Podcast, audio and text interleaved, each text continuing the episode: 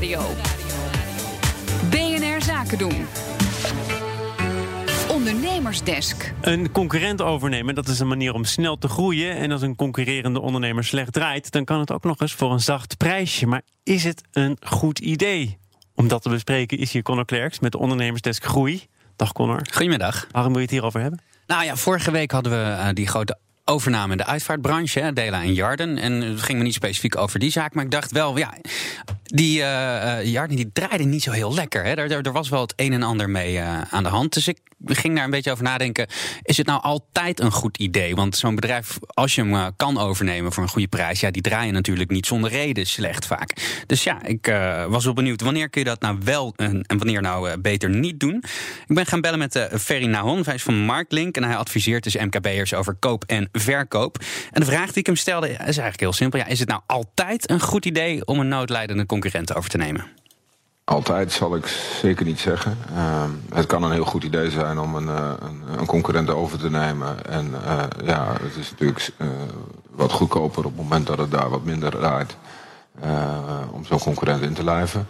Aan de andere kant, het is ook niet voor niks noodlijdend. Dus het is altijd heel goed zaak om te kijken naar waarom ja, is zo'n bedrijf in, in deze situatie terechtgekomen. Ja, daarvoor moet je dus eigenlijk een, een inhoudelijke analyse kunnen maken van zo'n bedrijf. Maar ja, dat is vaak eh, makkelijker gezegd dan gedaan. Als je normaal een bedrijf overneemt, ja, dan doe je een heel gedegen onderzoek. Uh, voordat je überhaupt zo'n overname doet. En over het algemeen zijn dat goedlopende bedrijven. En dan stap je op een rijdend terrein. Op het moment dat het ja, minder gaat, ja, dan stap je een beetje in diepe. Dus je, de prijs is wat lager, het risico is wat hoger. Nou, wat je ook nog kan doen is een beetje cherrypicking. Hè? Dan kun je bijvoorbeeld uh, de klanten over gaan nemen. Ja, dat, kan, dat, dat is een optie. Hè, dat je zegt, ik, uh, ik koop een deel uit het noodlijdende uh, geheel. En, uh, nou, in dit voorbeeld zou het kunnen zijn dat je inderdaad een klanten overneemt. Anderzijds is een curator er natuurlijk over het algemeen veel aan gelegen... om het bedrijf in zijn totaliteit te verkopen. Dus het is niet altijd mogelijk om alleen het mooie stukje eruit te kopen.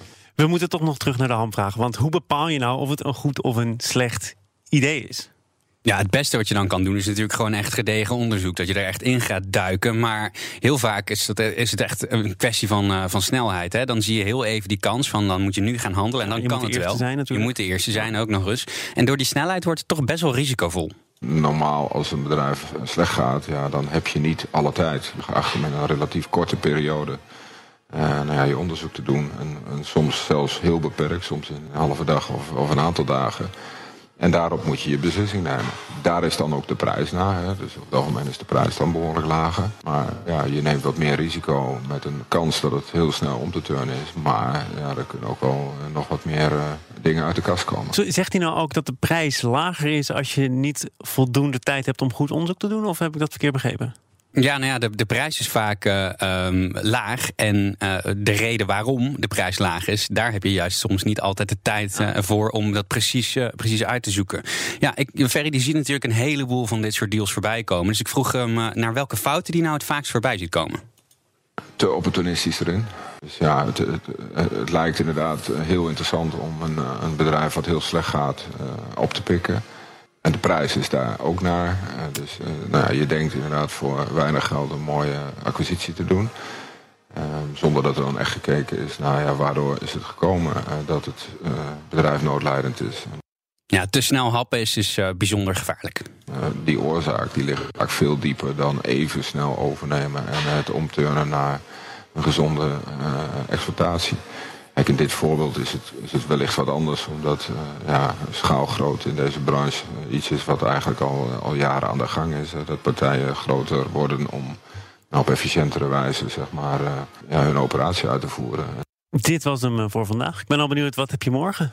Nou ja, Equal Pay Day komt eraan deze week. Hè? En ja, wij komen achter jouw geld aan, want jij krijgt veel te veel betaald, toch nou, Maria? Dan ben ik... Dat weet Maria denk ik niet. Nou, ik ben morgen misschien wel ziek. uh, morgen is Conor Klerks hier. Gaat het uh, over Equal Pay Day. Wil je nou meer horen uh, over de ondernemersdesk? Er zijn er meerdere van. Je vindt ze allemaal terug als podcast via onze site of op de BNR-app. Ondernemersdesk over groei wordt mede mogelijk gemaakt door NIBC. NIBC, de bank voor ondernemende mensen.